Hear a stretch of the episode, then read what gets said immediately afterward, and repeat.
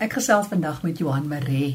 Johan is 'n herpetoloog, reptielkenner. Baie mense praat van hom as 'n slangkenner, maar sy belangstelling is wyd, dis reptiele oor die algemeen, akedisse, skilpaaie en krokodille ook.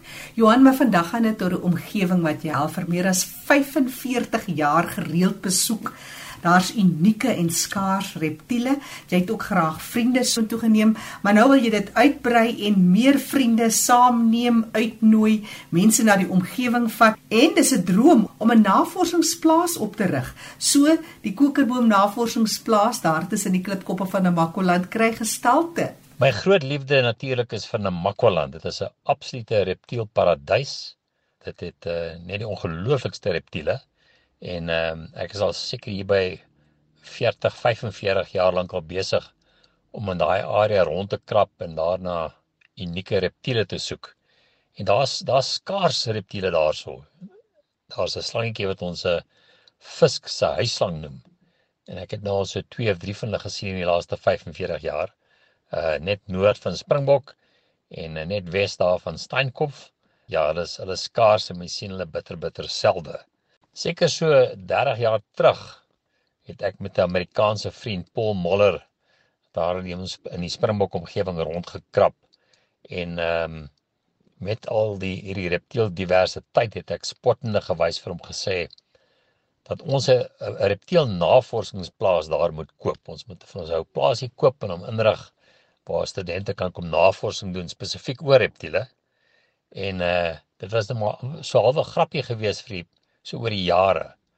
Maar ehm um, so jaar of twee terug het ons nou weer 'n bietjie daar begin dink en uh, ons het vir ons 'n uh, 'n plaasie raak geloop uh, net uh, wes van Springbok. Uh, die plaas se naam is Skeur en uh, dit is 'n ideale plaas, so 850 hektaar. Uh, was 'n skaapplaas gewees, maar die meeste van die plaas is maar klip klipkoppe. En uh, om vir jou 'n idee te gee van die grootte, Uh, as jy net met die lyndraad om die plaas stap, is dit so 10 km stap. Nou ja, ons het 'n uh, eh, tussen Paul en myself en nog van ons ander vriende het ons geld bymekaar geskraap en ons het die plaas gekoop en uh, hom geregistreer as 'n as 'n nuwe wins, winsgewende maatskappy en die naam van die plaas is die uh, Kokerboom Navorsingsplaas. En uh, dit is nou ons sinne. Ons is besig om 'n bietjie rehabilitasie te doen, al die ou singplate weg te gooi en uitheemse bome uit te kap en uh, dan gaan ons nou uh, die plek nou perfek inrig vir studente wat hulle uh, meestersgraad of doktorsgraad op uh, op reptiele wil doen. Uh, hulle sal jaar of twee daar kan spandeer om hulle veldwerk te doen. Hoe gaan julle die Namakolanders ook betrek en bemagtig deur middel van hierdie projek? Ja, wat die uh, wat die navorsingsplaas betref, ons is maar nou, nou nog in die beginstadium.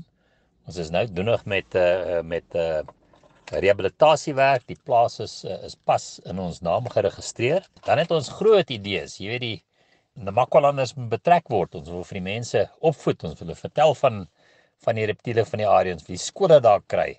Uh hulle praat mos as hulle daar in Namakwalanders praat hulle van 'n blinkoogie. Nou, die blinkoogie is maar een van die geitjies, een van die groter uh, geitjies wat 'n blinkoogie het.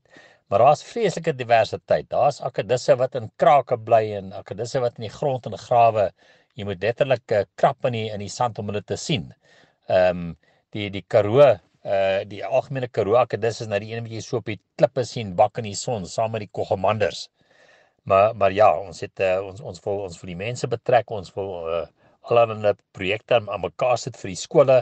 Ons het al klaar begin met plakkate wat ons uh, beskikbaar gaan stel in die skole uh van die algemene slange van die area. So sal ons die dinge maar uitbrei soos ons uh verder die plaas in die gang kry, soos ons nou meer uh, navorsers betrokke kry. Daar's opwindende tye wat voorlê.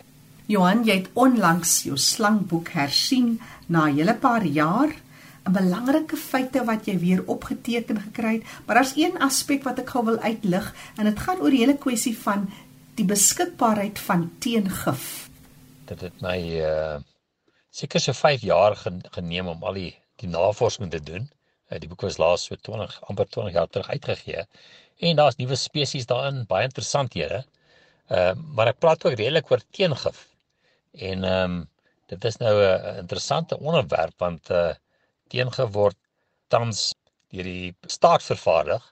Maar die laaste 5-6 maande is daar geweldige tekort tot so mate dat veeartse en selfs hospitale nie maklik teengif kan aankoop nie. So selfs uh, vandag nog as jy wil teengif aanskaf, uh, gaan hulle jou moontlik vir jou sê dit gaan 'n maand of meer neem voordat jy jou voorraad kan kry. So dit is 'n redelike dilemma want ehm uh, jy weet die Wêreldgesondheidsorganisasie het slangbyt nou uh, amptelik uh, beskryf as 'n uh, probleemsiekte, ietsie wat meer aandag verg, ietsie wat in die verlede nie die nodige aandag gekry het nie. En ehm um, hulle doelwit is om te kyk of hulle kan help om slangsterftes te verminder. En met so 'n tekort gaan dit definitief nie die ideale situasie wees nie. Dinge kan vererger en uh, met 'n tekort aan aan teengif kan ons baie maklik meer sterftes sien. So dit is ietsie wat baie kommerwekkend is. Johan Maree, herpetoloog wat gesels het vandag hier in die program oor hoe sy kennis van reptiele verder wil neem. Nie net plaaslikes nie, maar ook internasionale gaste en studente om meer te leer oor die unieke en skaars reptiele van die omgewing. Ek is Jackie January. Groete tot 'n volgende keer.